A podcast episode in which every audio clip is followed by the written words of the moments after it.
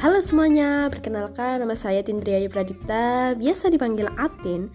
Di akun podcast saya kali ini mungkin akan berisikan ocehan-ocehan yang tidak jelas saya. Daripada saya gabut di rumah, mending saya ngoceh dan saya buat podcast di sini.